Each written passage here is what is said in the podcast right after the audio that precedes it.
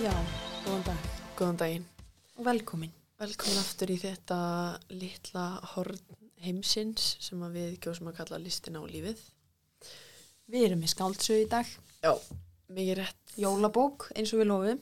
Já, uh, en, en ekki, ekki jólabók í, í sömu merkingu og jólamyndir. Nei, Heldur bók sem kom út fyrir senustu jól. Uh, þetta er bók sem að ég fekk í jólagjöf. Já, mikið rétt. Uh, heppin ertu. Já. Ég var ekki svo heppin. Þetta er eina bókin sem ég fekk. Já, er það? Já. Já, uh, það var allan að uh, ef það er einhver einn sem að þú hefði viljað fá, þá ger ég ráð fyrir að þú sérst ánað með þessa. Ég var bara mjög ána með hana, sko. Um, en ég hefði þetta ekki lesið hínar bækurnar. eftir hana. Nei, jólabækurnar. Já. Þannig að ég, það er rétt að leggja mat á það, sko, hvort ég hefði frekar viljað fá einhver aðra. Já, e emmitt núna er þetta besta bókina þínu mati úr jólabókaflóðinu. Já. Ég skil. uh, já, við erum uh, mættar hingað í, í kompuna uh, og það er heldur betur áhugavert viður úti. Uh, orð dagsins og næstu daga er orðið asahláka. Mm -hmm. Mér finnst þetta svolítið skemmtilegt orð. Já. Mér er svona, mér er svo fyndið hvað við Íslendingar uh, það er svona það, kemur svolítið púki í okkur eitthvað svona ertu, ertu tilbúin í asa hlákuna eitthvað svona eitthvað svona orð sem að fyrst þegar maður heyrir það þá svona registerar maður það ekki alveg í hlustum á sér sko aðeins að hugsa að taka því sundur já ok það er skemmtilegt orð um, félur ekki í sér uh, skemmtileg heit Jú, mér finnst það alveg. að það Já. Já, sko ég er nefnilega svo mikið að hugsa til fólksins sem að það, sem að flæðir inn hjá þeim sko. Já, sko Það er það er, akkurat uh, alveg ótengt asa hlákunni. Þá er verið að dæla upp úr lögn hjá okkur. já einmitt. þannig að Eh. þú ert bara þú ert svo reynslu mikil í þessu að, Já, ekki ekki að segja það sko. Já. Ég er búin að vera uh, á fullu að íta áfram uh, skólp vatni í næsta niðurfalli kjallaranum. já, já, já, þannig að þetta er bara seimóld seimóld fyrir þér Já. já, ég skil En sko, þegar það er svona asa hláka úti, Já.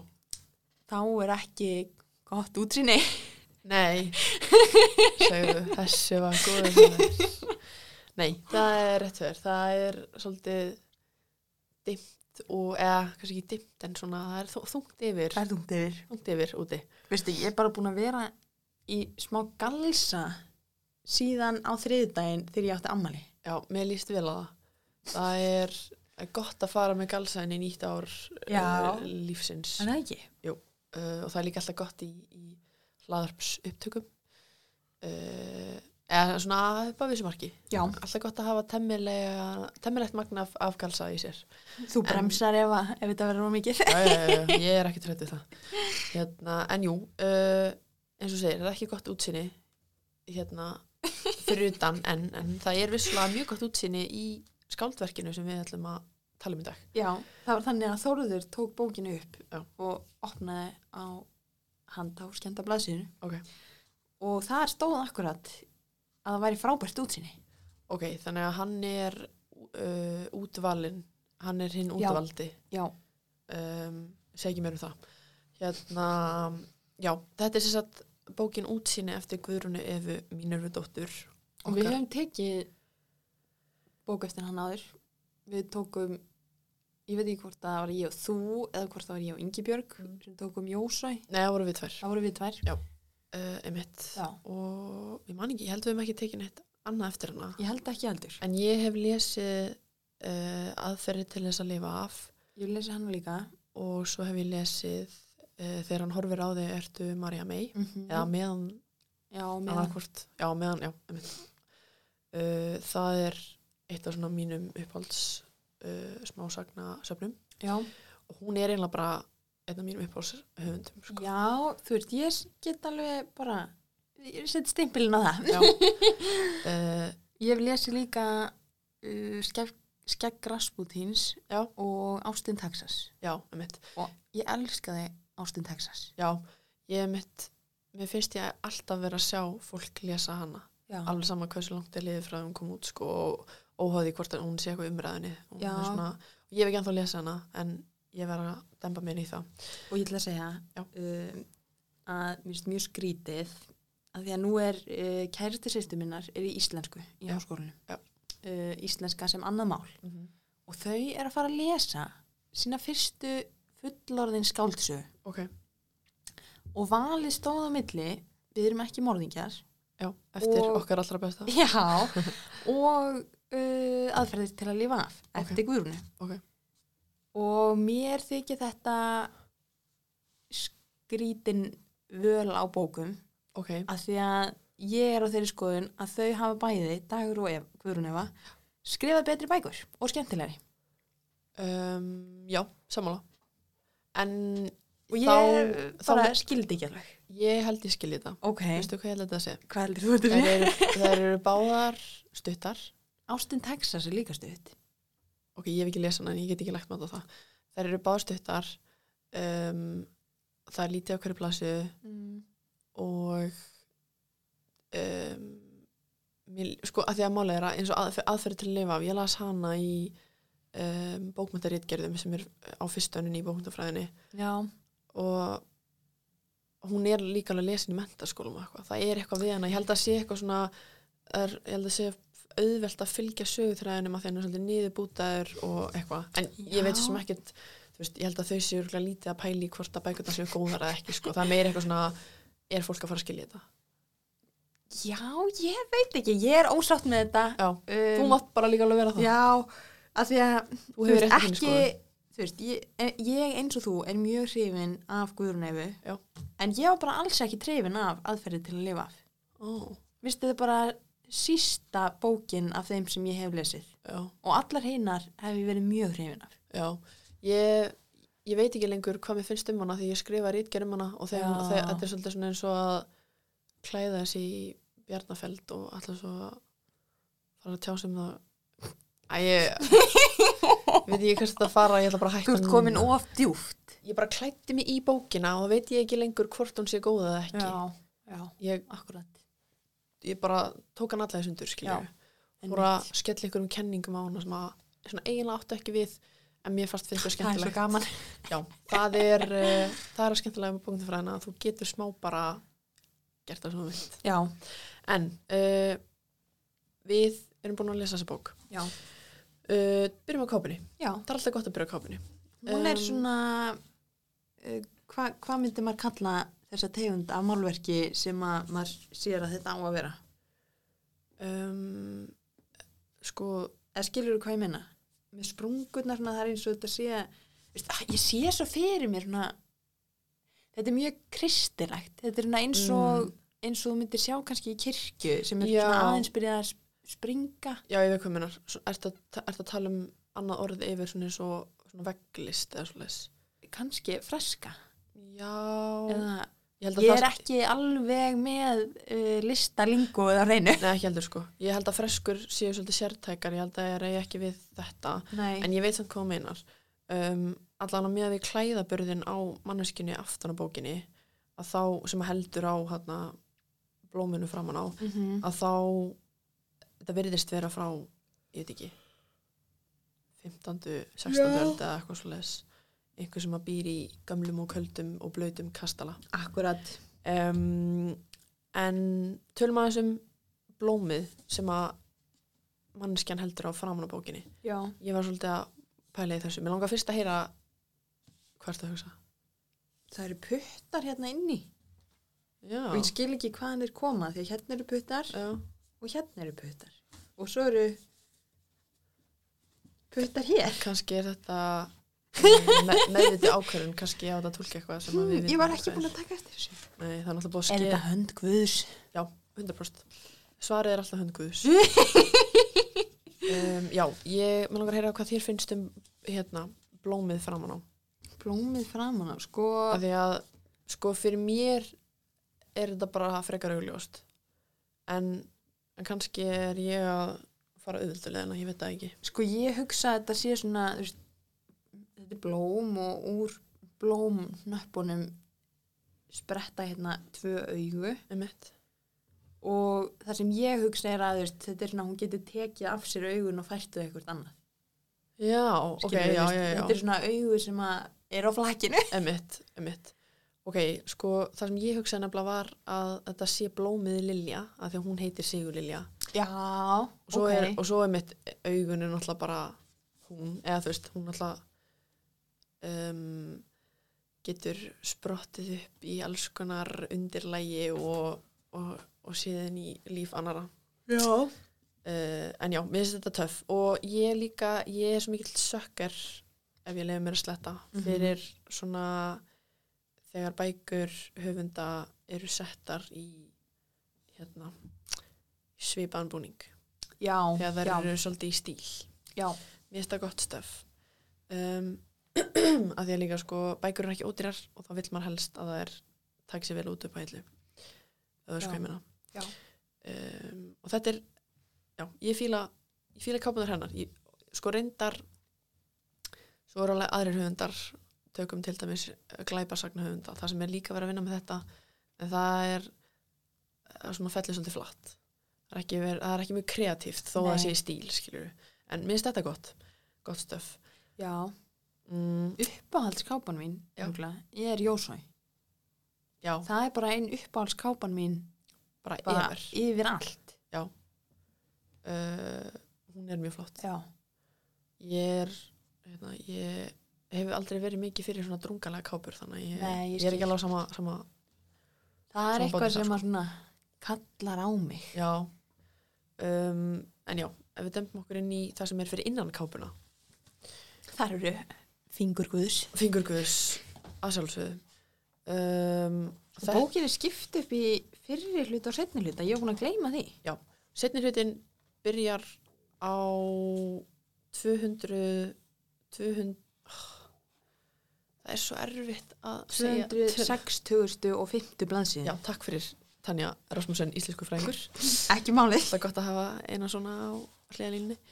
Hérna, jú, eh, rétt. Uh, og bókin er bara, þú veist, 360 blæsur eða eitthvað. Já, þetta er svona kannski einn þriðji til einn fjóruði.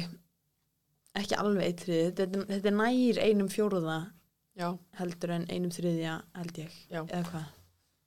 et, et, Ég er bara, bara að horfa á þetta. Ég er ekki að telja þetta. uh, Sem við gætum auðvitað alveg gert. Já, En býtt en ekki. frá svona sjónræni mati þá segi ég að annar hlutin sé einn- seinasti fjórðungurinn af bókinni. Já. Skulum segja það. Já. Hérna, uh, já, sko, við, ef við förum í svona, svona beinagrindina, Já. að ég las núna áðan tvö viðtöl við hana snilling Já. og uh, ég hugsaði sko og það er náttúrulega maður er ekkert að finna upp hjólið með því að þetta er í hug en ég hugsaði þegar ég var að lesa þetta að hún er svolítið svona að taka skáldsagnaformið og bara segja því að hoppa upp í það sem að sólun ekki skín Ok, á hvaða móta? um, þetta er fyrir mér svolítið eins og e, smásögu sapn sem er búið að e, þetta er svona eins og hérna um, svona æ, hvað er að kalla á íslensku þetta er svona eins og bútasimsteppi Já. nema, nema þú veist e, þetta er svona þú heklar ferninga skilju -hmm. og svo þarftu að sauma á milli eða svo já. og þú veist, Sigurlilja er þráðurinn sem að bútanir eru saumaðir saman með, Ok, skilur við já. uh, að því að þú veist það er ekki mjög algengt að þú lesi skáldsögu og svo er alltaf að fara inn í veist, einhverja sögur sem að hafa sér engin áhrif sko, veist, sögurnar sjálf, í sjálfu sér að vera einhverjar sögur að hafa áhrif á framvinduna en ekki sem gerist í þeim, skilur við Akkurat, já.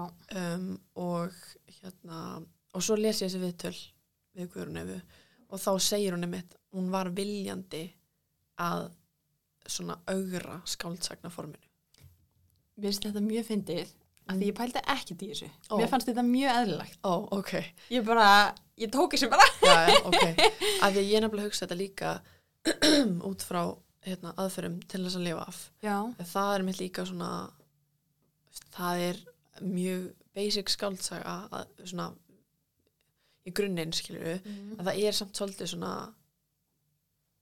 það er, það er einhvern veginn mismunandi sögur Mér finnst það samt meira svona eins og uh, Love Actually típan af sögu þar sem þú ert með 100% sko. svona, En- en, þetta, er, þetta er ekki svo leiðis. Þetta tekur þetta einu skrifi lengra sko.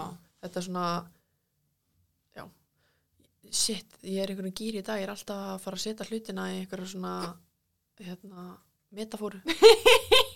Og þegar ég hugsa nóg langt að meika hún engan sens ok, ok, ok. En ég ætla að hætta því. Um, er það samt ekki bara að fyndi? Jú, jú. Ég held að bókmyndafræðingar tali bara í metafórum sko. Um, en já, þannig að mér fannst þetta svolítið skemmtilegt. Já. og þarna líka að því svona, og, hún er svo mikið svona höfundur sem að fílar personur já, skrifa personur og sjá hvert það fer. Og þarna líður mér eins og hún sé hún er bara að gera gera þetta nákvæmlega eins og hún vil hafa þetta. Hún er ekkert að pæla í einhver sé eitthvað uh, þessi er eitt kapli í bókinni. Og hann kemur aldrei aftur.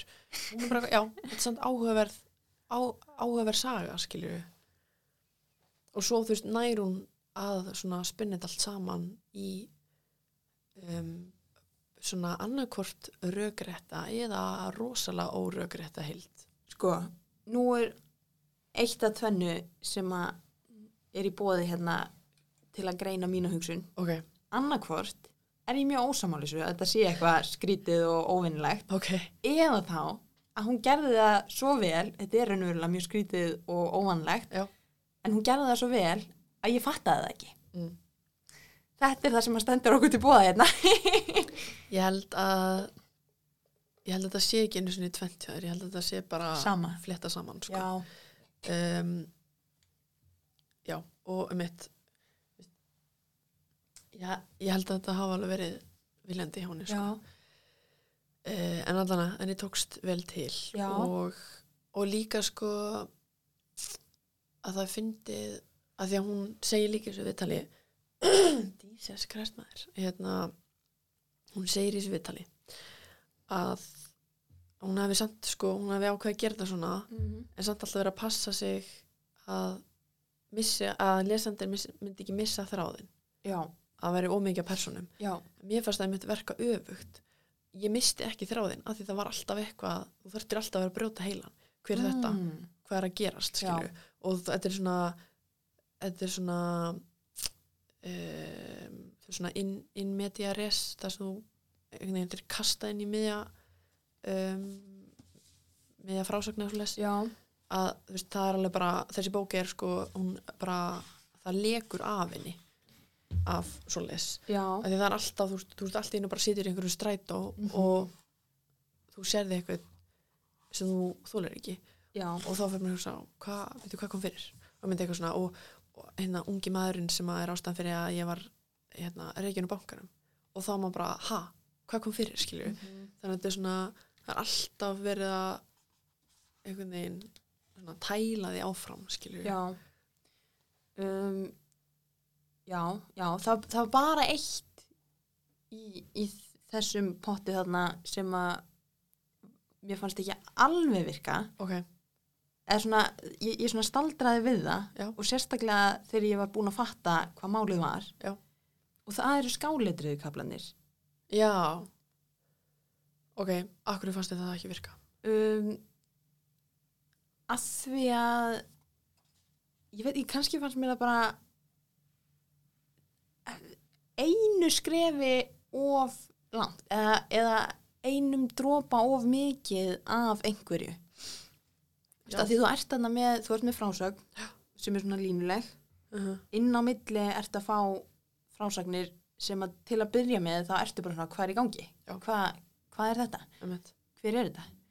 Og svo koma skálitriðukablanir sem að þú veist eru augljóslega ekki það sama að þið eru skálitraðir Já. en maður er samt líka svona býtu, er þetta bara annars draumur? Þú veist hvað hvað er þetta, ég veit ekki. Já. ég veist eitthvað svona ekki alveg eh, mér finnst þetta að vera svona púsl sem passaði ekki alveg ok, í söguna. Ok, fyndið að því að ég er nefnilega alveg ósamála Ok. mér er svo fyndið eftir í sem við gerum fleiri þætti af þessu hlaðvarpi því meira ósamála held ég að við verðum uh, í þessu. En eh, mér fannst þetta nefnilega eh, mér fannst þetta vera svona eins og þegar þú horfir á bíómynd og það kemur inn á milli eitthvað svona mér fannst þetta fanga svo vel tilfinninguna eitthvað svona að vera eitthvað, æ, veist, ég veit ekki þetta, þetta var eitthvað svona tilfinning skilur og ég mitt eitthvað svona að ég veit ekki, kannski fatt að ég eða kannski kveikti ég bara strax á því veist, já, þetta er þetta er hún fjárverandi, skilur en samt, en af hver, hver er tilgangurinn með því að setja þetta inn þegar þetta er ekki hluti af, af beinni sögulínu, þú veist, þetta er eitthvað svona fram í tíman, hún er ekki að sjá þetta þú veist, þetta er ekki það sem hann að dreymir á nóttunni. Af hverju er þetta þarna? mér fannst þetta að vera bara upp á stemminguna, sko. Og eitthvað svona, þannig að þetta er ekki líka of mikið eins og bara eitthvað sci-fi bók. Veist, bara eitthvað svona hún fer inn í kvelvingu og skoðar heilana hjá öðru fólki, skilur þetta var svona, þú veist, það er eitthvað að hjá henni. Þú veist, það er annað fólk sem upplifir hana í einhverju ástandi. Þú veist, þetta er svona, mér fannst þetta svona Já, þetta er svona jarðtengd þetta eins þú veist, hún er ekki bókstala bara eitthvað einhver vitund sem sveimar um skilur, það er Mm. eitthvað þú veist, hún líkamlega þú veist, er hún í einhverju ástandi þar sem að annað fólk er bara eitthvað, hei, þú veist, við erum að koma henni á sjúkró, skilur það er eitthvað að. Og þetta er svona, og þetta er svona kannski uh, að því annars hefði líka þegar uh, kemur svo ljós hún um heilagsli Mhm. þá hefði það verið svo mikið bara eitthvað svona æ, come on, skilur, eitthvað svona quick fix. Já, já, ég skil hvað meinar. Já, það er sannlega rétt í þér.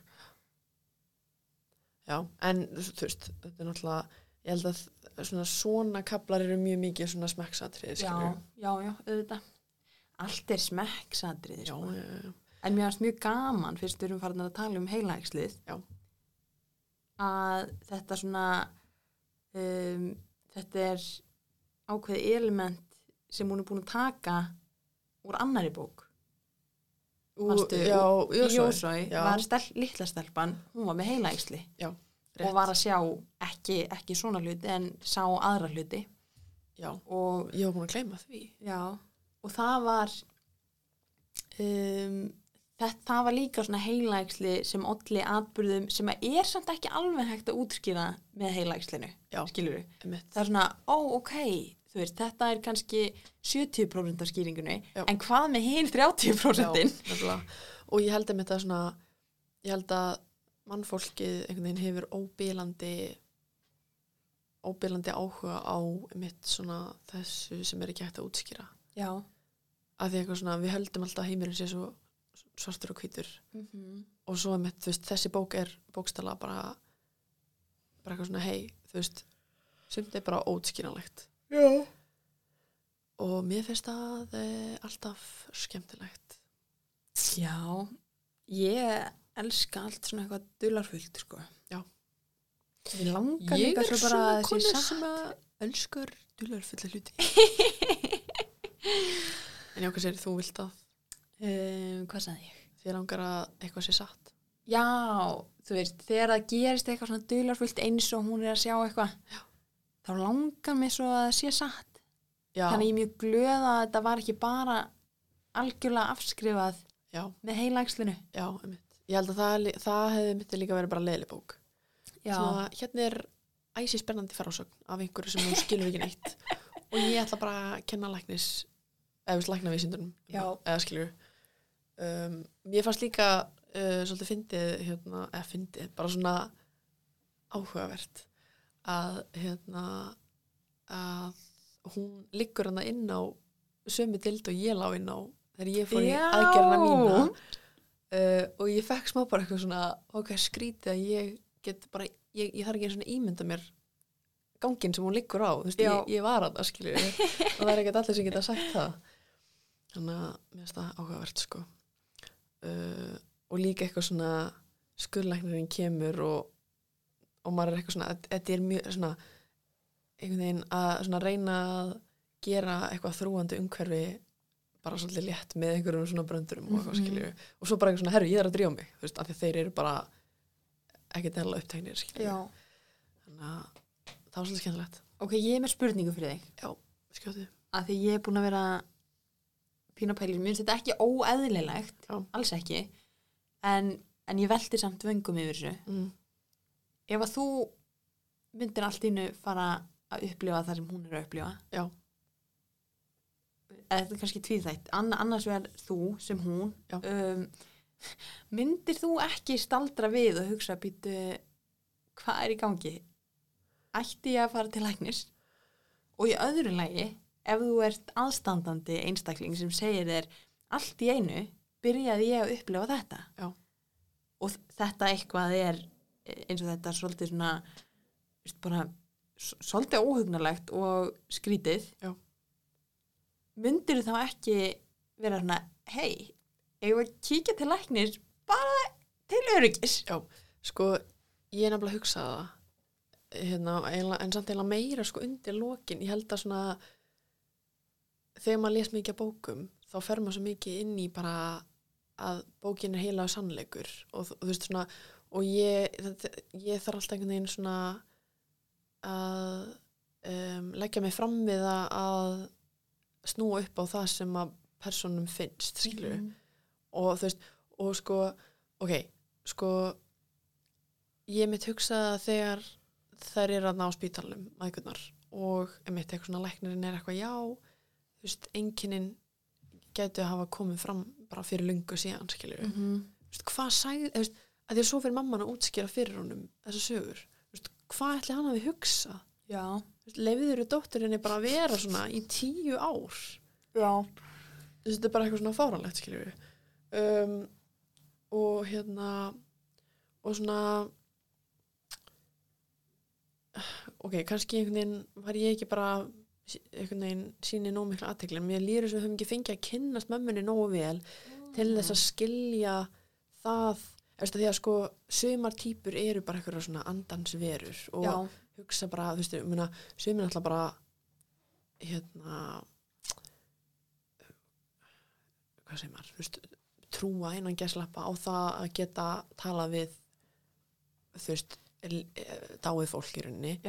Um, og, og bara, þú veist, alls konar fólk trúur alls konar hluti Mhm. þannig að einmitt svona ég áttaði mikið alveg hvort að mammunar væri bara einmitt einhver svona típa þú veist að, að þetta finnst henni vera bara eitthvað svona já, svona er, svona er hún bara en svo er máli líka það um, og þá kannski einmitt er þetta bara að þjóna sögunni að einmitt í þessu viðtali og ég átta mig að því að maður á ekki alltaf að greina bækur út frá því sem höfundarnir segja þeir eru ekkert alvaldar í þessu en uh, þá hérna segir Guðrun Eva þegar þetta með að vilja svona taka skáldsagnaformið og setja það í, í nútribúlett Mhm.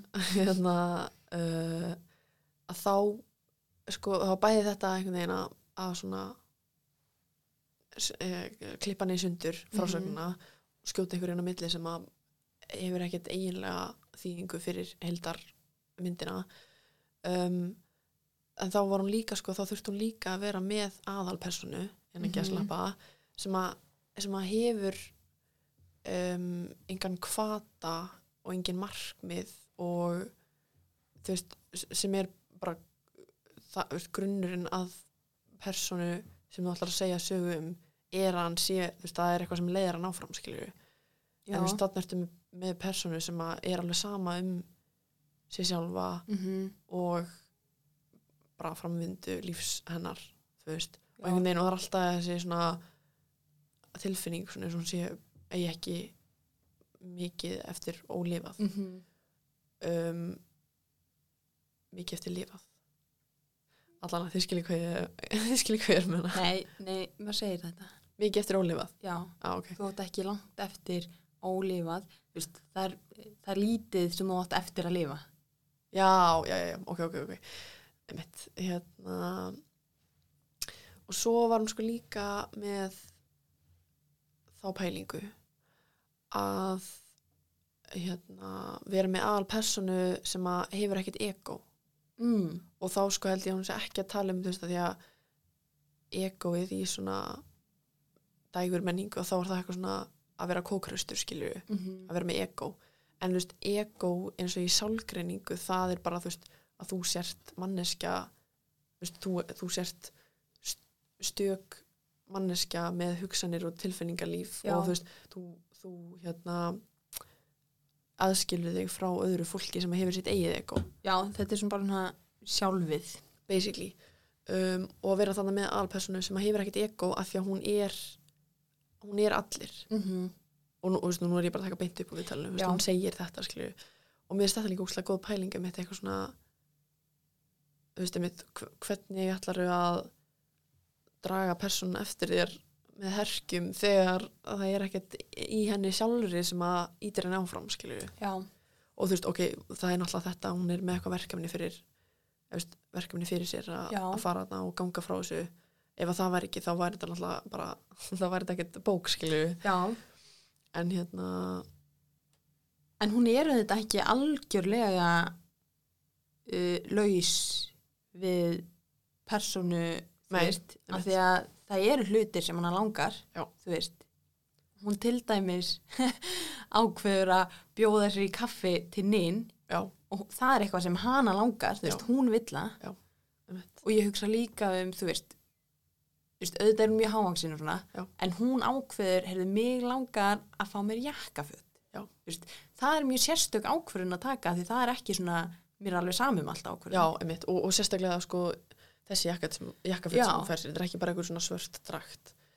Þetta er svona, ég var ekkert búin að pæla í þessu fyrir núna Rand. nei, einmitt. En uh, en, en þá samt, þá, þá kem ég með pælingunni þetta já, að sko fyrsta lagi um, við erum að með Sigurlilju sem Já. er alpersonan uh, og svo er þessi læknir.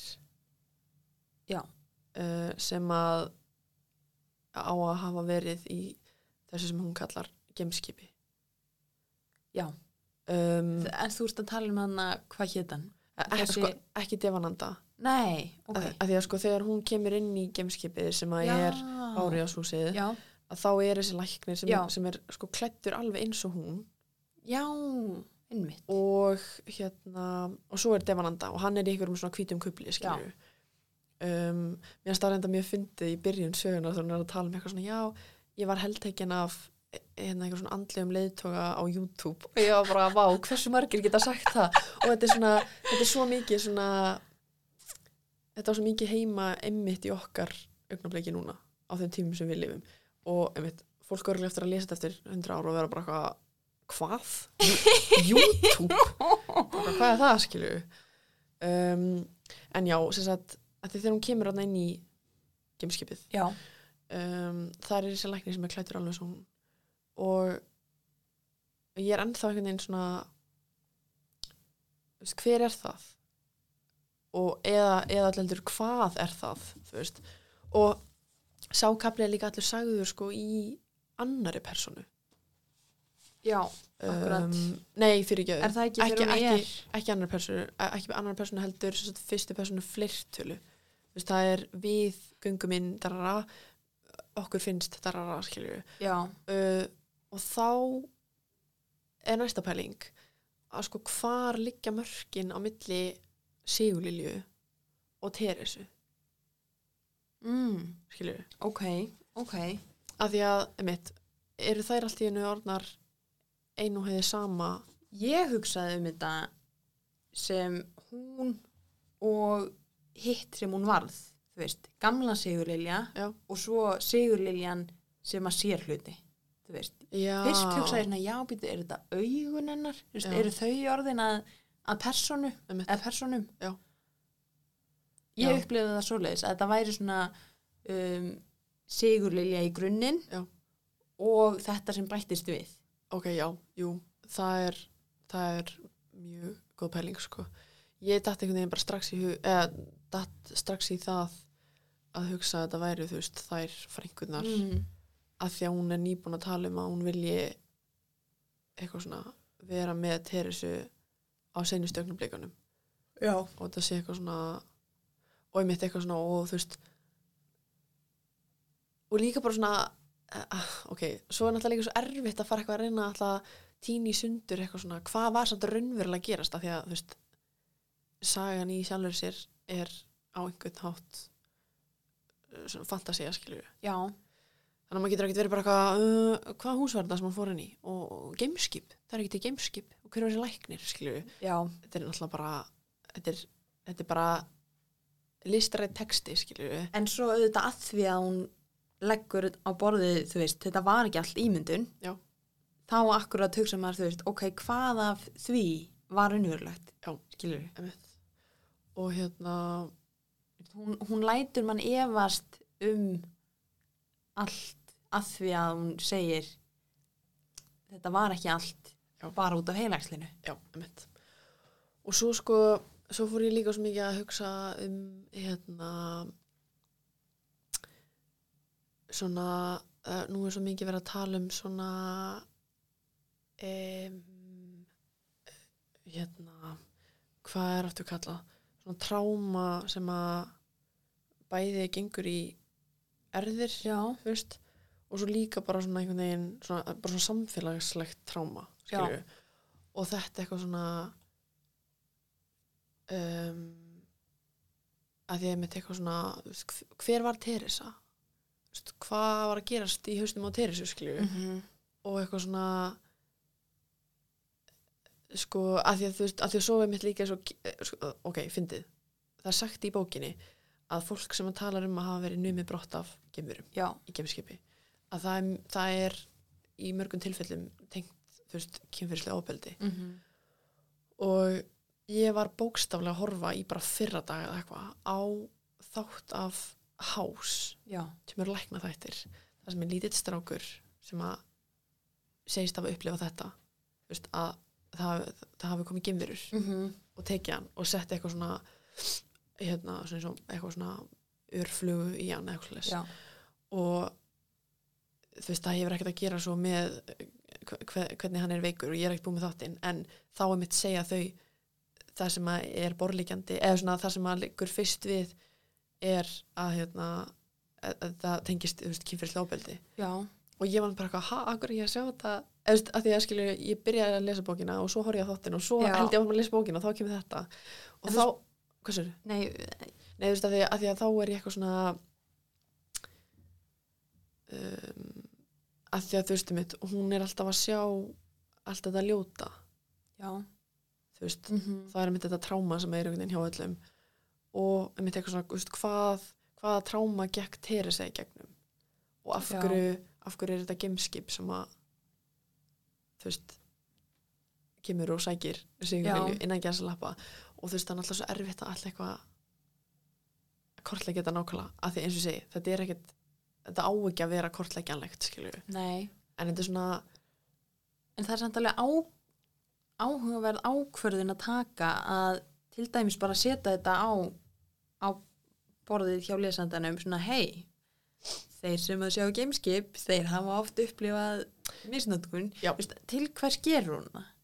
Hver er, er meiningin að planta svona, ó, býtu, hefur hún gengið í gegnum eitthvað? Mhm. uh, er þetta eins og þú segir bara að því að hún upplifir svo, svo rosalega mikið tráma í kjölfarið, þú veist um, þetta, vera, þetta er svona mesta garnaflækjan einhvern veginn í sögunni svona, eða, svona svartól sem að um leið maður byrjar að reyna að hugsa um þetta þá maður dettur einhvern veginn alltaf í bara hringi. Eða kannski var það akkurat öfugt, kannski lætur hún einhvern segja þetta svo að þeir sem að eru búinir að vera að hugsa það hætti að hugsa um það. Já, já einmitt, það geta líka, líka alveg verið sko. um, já og og að því að líka sko en veist, að því að sko svo er það kannski líka bara að því að einhvern veginn þarf hún að leggja grunninn fyrir því að vera með aðalpersonu sem að fer svo að upplifa líf annars fólks skilju og hérna, og nennir ekki að nota álfa af því það er hún klísja í íslenskum bókmyndum skilju, já, það getur líka alveg verið. Þetta er bara, bara ákveð tól en ég vil samt trúa því að þetta hafi einhverja starra og meiri þýðingu og það er hægt að skrifa niður lista af öllu sem það geti þýtt maður myndi ekki vera niður nær nei, það má bara þýða eitthvað ákveðin í haustum á hverjum lesanda en mér finnst mjög áhugavert líka að rétt áður en þetta gerist ef ég man rétt Já. þá uppgötar hún Devananda, er það ekki? Vist, hún er að horfa mikið á hann á þessu tímabili þegar hún lendir í þessu? Jú, eða þegar þetta byrjar? Emitt, jú, ég held sér rétt munnaður uh, og við erum svo gaman að lesa þarna þegar hún er að lýsa lýsa því þegar hann kemur í einhvern skóla í Breitlandi já, og er að tala. Mitt og það er einhver strákur sem bara, mér líður svo illa með sjálfan mig. Já. og hann bara eitthvað, ha, hvað meinar og veist, ég veit ekki ég ætla alltaf að googla en ég gerði það ekki. Uh, hvort þetta er alveg maður eða ekki? Það er eitthvað spurning. Um, ég skal bara spyrja internetið. Já, en jú það er rétt hjá þér, ég var hérna að gáða því að hún hérna útskrifast úr MR og um, fer í þjóðfræði í, í HÍ byrjar að fylgjast með þessum devananda. Já. En þar, þú veist hann einhvern veginn áttar sér ekki á því hvað þýðir að líða illa með sjálfan sig og svo í kjölfarið fyrir hún að upplifa alls konar fólk sem að líður mjög illa með það sem það hefur gert skilur Já, það er enda mjög góð punktur. Um, og einmitt eins og að hann segir að ég ætla ekki að segja meira því ég þarf að fara að kynna mér málið. já, Og í kjölfarið þá kynna lesendur sér málið. já. Já, það er enda, það er mjög góð punktur. Uh, sko, ef maður googlar Devananda, já uh, sá sem kemur fyrstur upp er bara einhver einhver eftirlýstur hérna styrðisklapamaður eða eitthvað sem ég held að ég ekkert við sko ok, og svo er einhver um, lítil stelpa sem að heitir, þetta er auðvitað bara eitthvað svona algengna já. Um, en að þú segir Devananda Guru? Já. Internet guru. Finnst alveg líklegt að hún hafi sko búðan til. já og valið nafn sem að mm. sko hérna er eitthvað sem að heitir Vishnu Devananda Sarasvati. Já, um, sem var indverskur svona jókagúrú um, en en þú veist um, byrju, nú er ég ekki viss. Uh, nei, já jú, allan, sem sagt hann var uppi sko þú veist, fyrir tíma YouTube. Ég skil þannig að segi, þetta er örgulega bara eitthvað svona þetta, þetta er orð sem lítur vel út á blaðsíðunni. Mm já, oft er það bara þannig. En svo, svo getur líka vel verið þú veist, ef við myndum fara í einhverja svona orðsefja fræði að þá þýðir þetta eitthvað sem að hefur mikla merkingu fyrir þessu bók. Og maður myndi gera það ef maður væri að skrifa reitgjörum þetta en uh, ég þarf að fletta því upp núna. Ok, endilega að gera það. Uh, já og og sko það sem ég fíla svo mikið við Hanna Guðrunöfu sem reytvönd er að þetta er svona þetta er svona bæði hvað?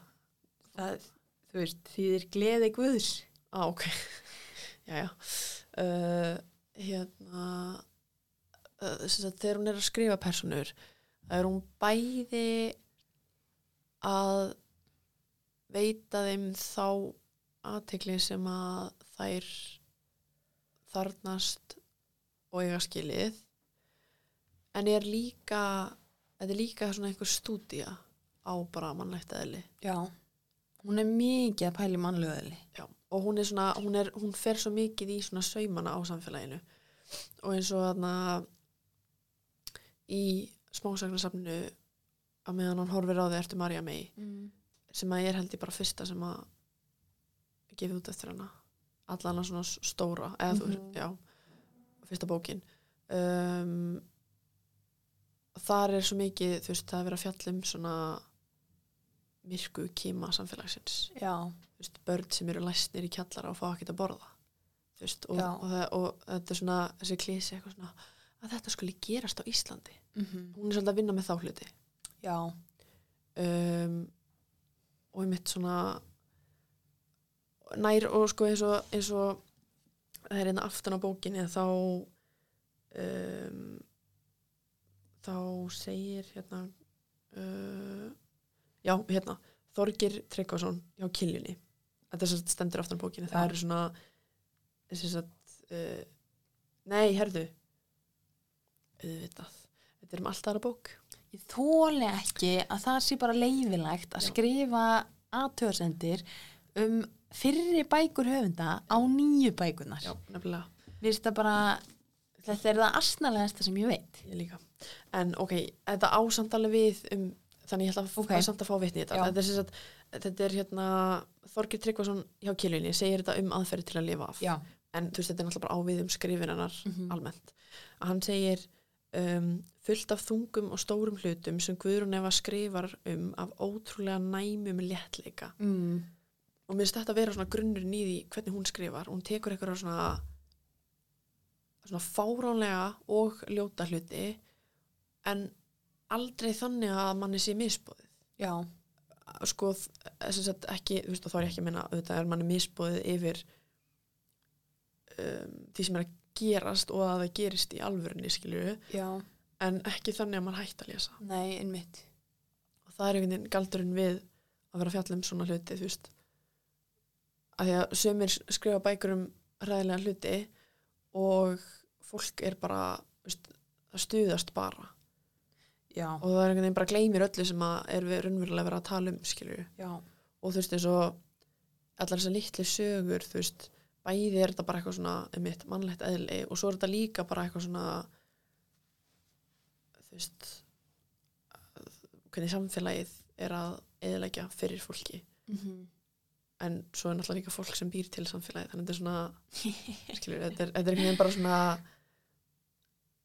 þú veist, og einmitt þetta eitthvað svona eins og hún segir þarna uh, ég reyndar mann ekkert ákafla sem það er en um, hún segir þarna eitthvað nú er ég kona sem er að þú veist, leggja hendur á fimm ára dóttur mína eða eitthvað. Og maður er bara með góður. Og svo segir hún þú veist það sem, sem er henni segir sögu þeirrar konu. Hún er, hún er ekki að réttlæta það. Nei, hún er, hún er bara einhvern veginn, setja mann í þessi spór og bara, hei, þú veist fólk getur verið bara ógeislegt, mm en það er bara því að það er fólk Já, skilur þannig að, já, ég er það er svo fyndi, alltaf þegar ég les ef þá fæ ég alveg bara svona shit, mér langar að lesa alla bækundir en svo er ég líka svona, nei, ég verð líka að spara þér þannig að já, ég er allan að mjög hrifin af þessari bók já. hún, hún slær á alla þá strengi sem að hún slær á alla mínu uppáhaldstrengi Já, hún er líka bara fallega skrifuð veistu, og þá meina ég textin Já. Ég, ég er hrifin af, af textanum einum og sér þú veist Já. Þó að sagan væri ekki góð þá væri textin góður Já. Skilur hvað ég meina 100% um, og hún er mitt svona þetta, er svo, þetta er svo svona þetta er svo tær texti. Já, og hún er ekki að nota alltaf mikið einhverjum svona krúsidölum nei. Og er mitt svona eins og svona eins og ég elska lýsingar hjá henni á mitt svona þegar einhver kemur inn í hús og er bara eitthvað svona sveipast um mm. veist, bara eitthvað svona hvað er inn í þessum skáp og hvernig, veist, og, og, og hvað er það sem að hún sér inn í þessum skáp og eitthvað svona, hvern, bæði hvernig hún lýsir í hvað er í skápnum og eitthvað svona Já, og þess vegna, þú veist, einmitt, þegar að þegar að kom fram í byrjun og var að fara að pakka saman heilir búsla og þá ekki ég, yes ah! það verður mikið af svona góðum lýsingum á bara svona hlutum sem að skipta eiginlega yngum máli en svona það klórar eitthvað sem að klæða restum á mér. Já, Mér finnst það gott stöf sko. Já. Uh, já. Ef að þú þyrftir að velja einhverju á bókunum hennar til þess að lesa næst. Sem ég hef ekki lesið. Já, er eitthvað svona sem að er einhver sem að stendur frekar upp úr en það er þannig erfitt að Sko, að tjá sig um það þegar maður hefur ekki lesið þar en þú veist, þú ert basically að spurja uh, hvað bók ég er spenntust fyrir sem ég hef ekki lesið. Í rauninni. Um, nú þarf ég að finna bara hvað bækur hún hefur skrifað. Já, Góða punktur. um, dýp, dýp, dýp hvað uh, finn ég það? sko, ég skal finna það fyrir þig. Uh, það gæti til dæmis verið inn á uh, appi sem heitir Goodreads. Það er þá er þetta hérna bækurnar. Þetta er endur ekki en ég held þetta getur- sé það sama og ég er búin að Já, Já. emitt. Sko, ég ætla líka að skoða, emitt, ég hef lesið, við hefum báða lesið Jósói og á meðan hann horfir á þig ertu Marja May og aðferð til að lifa af uh, menn ég er ekki að glemma henni öðru uh, svo er líka er þarna ég held að það sé líka smá sagnasafn nei, skáldsa já, já, herður, fyrirgjöðu ég held að fyrsta bókin eftir hana heiti Album mm, ok. og um, það stendur um hérna skáldsagan album geimi 99 myndir úr lífi ungar stúlku. Þannig að þetta er svona einhvern veginn. Stutt. Uh, ég hef ekki að lista það en ég er svolítið spennt fyrir því. Sko Nú ætla ég að vera það sem að maður á ekki að vera. Ok, og það er manneskja sem að horfir á bækur og ákveður hvort að hún vilji lesa þær og þú er kápunni Já, að því mér finnast, bara þú veist, mín persónlega skoðun hérna Já. er að kápunar á fyrstu bókunum hennar eru ekki mjög svona, þær kalla ekki á mig. já, ég horfa á þær og mér líður ekki eins og þetta séu skemmtilegar bækur. já ég, Um, ég, ég, ég skil það alveg Já, þannig ég, ég veit ekki alveg. Ég byrjaði að lesa uh, skaparan í háskólanum. Já. Og hún var alveg, þú veist, áhugaverð. Ég náði bara ekki að klára hann eða kannski vorum við bara að lesa eitt kapla eða eitthvað. Já. Um, það er sko talandi um það að það er nefnilega hún er svona höfundur sem að það er svo, hún er svona komin á þann stað í ferlinu sinum að maður er svo sjúklega spenntur að sjá hvað hún gerir næst af því að hún er hún er hún er hún svo svona slípaður höfundur. Já, og ekki það að það er alltaf mjög gaman að lesa fyrstu bækur uh, bæði aftur í tíman hjá höfundum eins og henni og líka bara sem Mhm. eru komið í dag. En svona maður getur leift sér að hafa mikla væntingar. Já, og, og oftast uh, stendst verkið þær já, Er það ekki bara allt sem við höfum að segja um þessa bóki bíli? Jú, Það er svo sem en, endalst þetta að tala um þetta sko en, en hérna ef við að taka smá tónlistarhótt já, mér finnst þess að það sé langt sem við gerum það. Já, gerum það.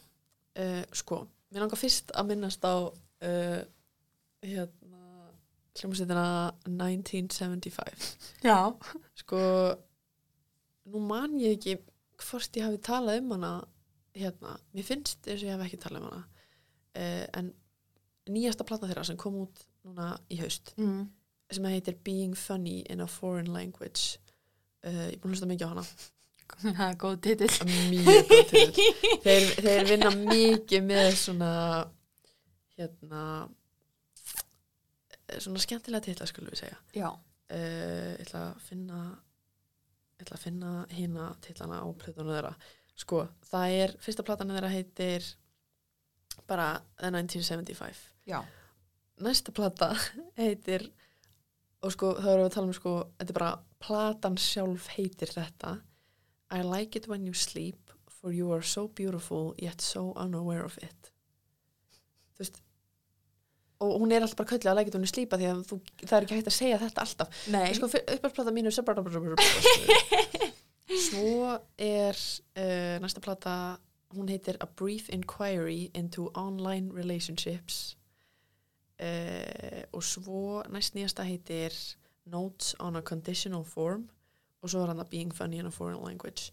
Þannig að þetta er svona, eins og ég sagði þeir eru svolítið háflegir með orðin sín. Uh, og þú varst einmitt í tíma þarna þar sem maður var að tala um þessi ljósin þannig að þetta er ekki bara jú. þetta er ekki bara eitthvað eitthvað rugl um, svo er ég búin að vera að hlusta á hvað Ég fór bara eitthvað að hugsa að því segja, þetta er ekki bara eitthvað ruggla því að við vorum að tala um þetta í tíma. Að svona, ég, ég fór bara að hugsa svona, já, ok, þannig að allt sem maður talar um í tíma er valið menning. allt sem að fólk talar um, það er bara ok. þannig, þannig að allt sem gerist innan veggja Háskóla Íslands er valið Já. bara svona basically allt eða þú veist, ég meina ef maður taka allt sem er rætt innan vekja háskólans Já. þá held ég að myndir ná utan um svona flest allt í heiminum Já, það gæti bara vel verið. um, sko, svo er ég líka búin að hlusta bara á playlista sem ég bjóðum tíma til sem er svona svona svona gamalli og grúfi tónlist. Þetta er svona tónlist sem er gott að hlusta á þegar maður er að, að borða kvöldmatt Já. um, sem að ég skýriði hérna og svo, svo þetta er svo frumlegt hjá mér að það heitir velíðan með einhverjum 8-11 eða eitthvað. Það var einhver púk í mig þegar ég bjóða til. Um, svo herru, svo uppgötuði ég uh, plötu núna fyrir nokkrum dögum sem að ég er búin að hlusta mikið á og er mjög gott stöf hún heitir Unfold og er með uh, ég held hún sé fr- og sko hún er annarkvæmt frönsk eða sænsk, ég átta mikið alveg ég held hún sé frönsk. Uh, söngkona sem að kallar sig Melodies Echo Chamber. Ok. uh, og þetta er svona þetta er í svona innföldustu mynd svona 60s sírurokk Ok. en hún kom samt bara út í fyrra og ég myndi lýsa þessu þannig að ef að Tame Impala væri uh, hot galla frá París það er basically væpið Ok. uh, do with that what you will en ég allan að mæli með Já. uh, og hvað er ég meira búin að vera að hlusta á svo er ég búin að vera að hlusta á náttúrulega nýjustu plötur með Arctic Monkeys Já. Uh, það komið þarna út tvær frábæra plötur sama dag 21. oktober uh, nýjasta plata með Arctic Monkeys og nýjasta plata með Taylor Swift Já. og eins og kannski glöggir hlustundi vita þá er ég mikill aðdándi begja, aðala Já. Uh, þannig að þetta var mikill hátíðardagur í mínu lífi verða að segja að platan með Arctic Monkeys er betri um, en samt finnst fólki hún ekkit sérstök Ok. Svona í samanbörði við plötur, fyrri plötur Já. fyrri störf Ertu með þessu óbeint að segja að þetta séu hvort tveggja bara ekki topp plötur? og ég reyna að standa með því Já. uh, það er alls konar rosa gott stöf að báðum Já. en uh, ekki að besta sem ég séð Nei, ég til dæmis örgulega eina lagið sem ég hef heyrt að Taylor Swift plötunni. Er það sem er búið að vera að spila eða var allavega að spila í smástund í útvarpinu hér. Já, uh, Anti-Hero.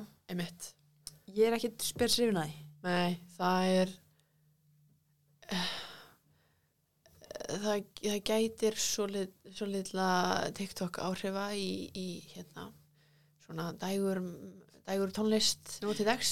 Ok, Það hvað sem að- meinar með því? Heru, það sem ég meina með því er að það þarf að vera einhver lína í læginu Já sem er auðvelt að ah, um, tólka á marga vegu búa til brandara Ég skil um, og ég er ekki að segja það sem viljandi en Það sakar ekki ef það er svo leis já og uh, mikið af auglýsingaferðlinu fyrir þessa plötu á hún kom út fór fram sérstaklega á TikTok af Já. því að TikTok eins og kannski veist er hljóðið sem að klukkur gefa frá sér. Og uh, platan heitir Midnights.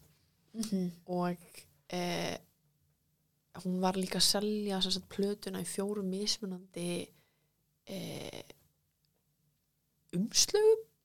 umslögum Já, slíðrum, ok. Áhugavert. Kápum Gastu það. valið þá? basically. Já. og ef þú kiftir allar fjórar Já. og ræða þeim saman þá voru þær klukka. Oh my god, ok, þú veist bara, ég, þurfum ekki svona að ræða þetta. Bara, ok. þetta er bara kapitalismi bara fallegasta og ljótasta formi. Uh, og hún fekk alveg hún fekk alveg svolítið yfir sig fyrir þetta. Já. Og líka bara eitthvað svona, þú veist það var bara drullu erfitt að fá með á tónleikana hjá henni. Og þú veist, ég meina, hana vantar ekkert pening skilju, þannig að þetta er svona veist allt þetta ferli í kringum þessa plötu ég held hún hafi aðeins lækkað í álitið hjá fólki. Já, af því að hérna, folklóra Evermore þá var hún Mhm. svo hún var svo venjuleg skilju og svo hvernig hún málaði sig, hvernig hún klætti sig tónlistin sjálf það sem hún er að fjallum. Og svo gefur hún út aðra svona svolítið poppaðari plötu og er aftur komin í sinn gamla gýr að því að COVID er búið og þá voru allir bara eitthvað, ó já, djók Vistu, hún er bara hún er bara einn fræðasta koni í heiminum og á bara ógæsta mikið pening og og er bara í sjálfu sér vara sem er verið að selja já. um, Já, þú veist, að því að sko, já, sem listaverk finnst mér það briljant. Já. En, akkurat eins og segir, bara, já, Edslu fórlægt já, að því líka þú veist af hverju, Þú- gæti hún ekki þá selt eitthvað annað en veist, því ég meina þá eiga á fólk fjórar vínilplötur það er bara sama klikkað. platan. Og ég meina vínilplötur eru gerðar úr plasti. Veist, ok, ekki bókstala en ég er freka vissum að allar vínilplötur sem á náttum verið gerðar eru ennþá til sko. já, já, svona er þetta. En hérna The Car, nýjasta plata með Arctic Monkeys. Hún er gott stöf, hún er, hún er cozy. Það er gott að hlusta á hana. Og hún náði ekki svona hún náði ekki miklum svona commercial hæðum.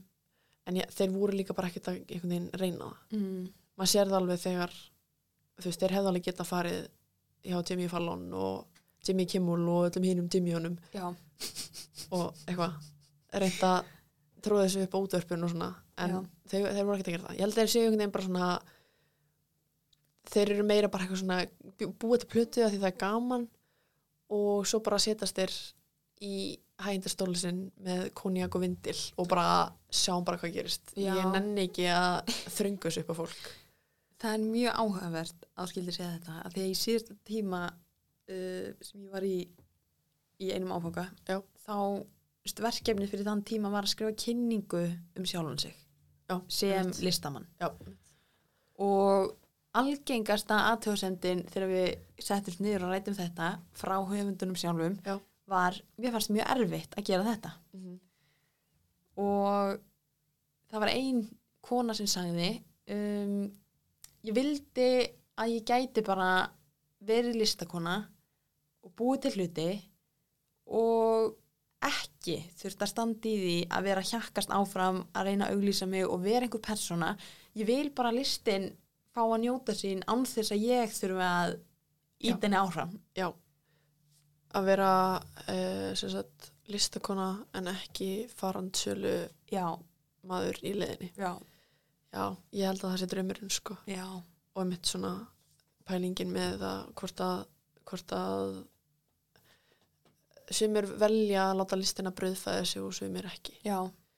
Vá, ég er uppfull af dæmum um þetta sem við erum bara að tala um. Já, Vá, vá, vá, vá. Vá. Kennarinn minn í öðrum áfanga já, um, hún var akkurat að tala um þetta. Hún, hún sagði veist, það er ekkit mjög peningur í þessu. Hún er heimildar mynda gerðarkona er langt orð? Um, nei, að því að þú myndir segja kvikmynd að heimildamynd að gera kona. Þetta er bara svona, þetta, þetta hljóma smá óþjált en ég held að sé alveg rétt sko. Já. Um, hún var að tala um peninga þú veist, þú veist hvar getur þið fengið styrki, hvað farið mikið? Og bara þú veist, þetta er bara fokkin lítið. Já. og eins og hún segir þú veist, hún velur að vera í fullri vinnu svo hún geti gert þetta. Já.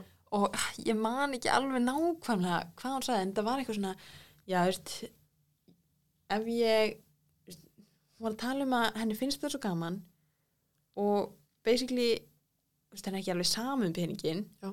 en hún velur samt að vera í vinnu frekar en að reyna að hjakkast áfram í þessu Já. að fá meiri meiri pening Já. og sagði, þú veist, ef að ég væri ekki að gera þetta, mér þætti ekki gaman og ef ég væri ekki að gera þetta, þú veist, ég geti alveg eins verið bara að fara til göngutúr eða prjóna eða eitthvað veist, hún setti þetta í svolítið svona samhengi við veist, mér finnst þetta gaman og þess vegna ger ég þetta. Og þá kannski skiptir ekki öllu að fá pening fyrir þetta. Já, emitt, það er bara svona bónus. Já, emitt já, og emitt, e- e- þetta er svona þú ert basically að segja að þú veist fólk er ekkert að byggja um að fá borga fyrir að horfa á Netflix. Já, skilur við, það gera það því að þú veist, hvaðin er að það hefur gaman að því. Já, ekki að því að það er eitthvað svona en ég horfa ald- aldrei Netflix, ég fæ, ég fæ ekki borga fyrir það. Já, akkurat. Já, og eins og hún sagði, veist, það er enginn að byggja hana um að gera þessar bíómyndir. Nei, hún er að gera þetta því hann langar hana. Já. og ég er ekki að segja, veist, það er auðvitað geggja að geta lifað já, á þessu en Já, ég þetta- kom í er- svona slaufu og er, kannski var þetta heldur ekki það sem hún meinti með þessu. Ég Það- er bara eitthvað að tólka þetta er uh, Pandora askja sem við ætlum að sem við ætlum að setja loki aftur á áður en að það fer alveg af. Já, og geima uh, að eilífu. Já, ætlum að grafa hana. Já, Djók. Uh, en já, þar hafið þið það. Já, útsinn eftir Guðrunu Mínardóttur við mælum eindrið með að þið lesi hana. Já. Góð bók, mælum bara með henni. Já, sem alveg. personu bara fara bara á heimsækjana já, hún var einu svona reka svona ég held að það verið hún. Svona writer's retreat. Já, held sér þetta er hver að gera en nú er hún búin að selja húsið sitt í hverjangenni Já. ég hef alveg viljað kaupa það. Já, þú voru að heyri henni. Það er búið að selja. Já, já, já, fyrir að múta þeim sem kæfti það já. ég vil þetta hús. Það verður spennandi að sjá hvað hún, hvað hún uh, skrifa næst. Já, úksla kröfu harðan í búin að skrifa heila bók bara, já, uh, næstu núna? Vil það núna. Já, ok, það er, það er merkið sem góðan höfund. Já, þegar mann fær aldrei nóg. Það er rétt.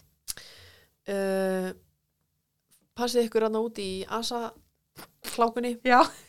Vonandi verður hún nú bara búin þegar þeir eru að hlusta á þetta. Við og allt orðið klaka löst vonandi. Um, hafið það gott og uh, við heyrumst næst. Verðið sæl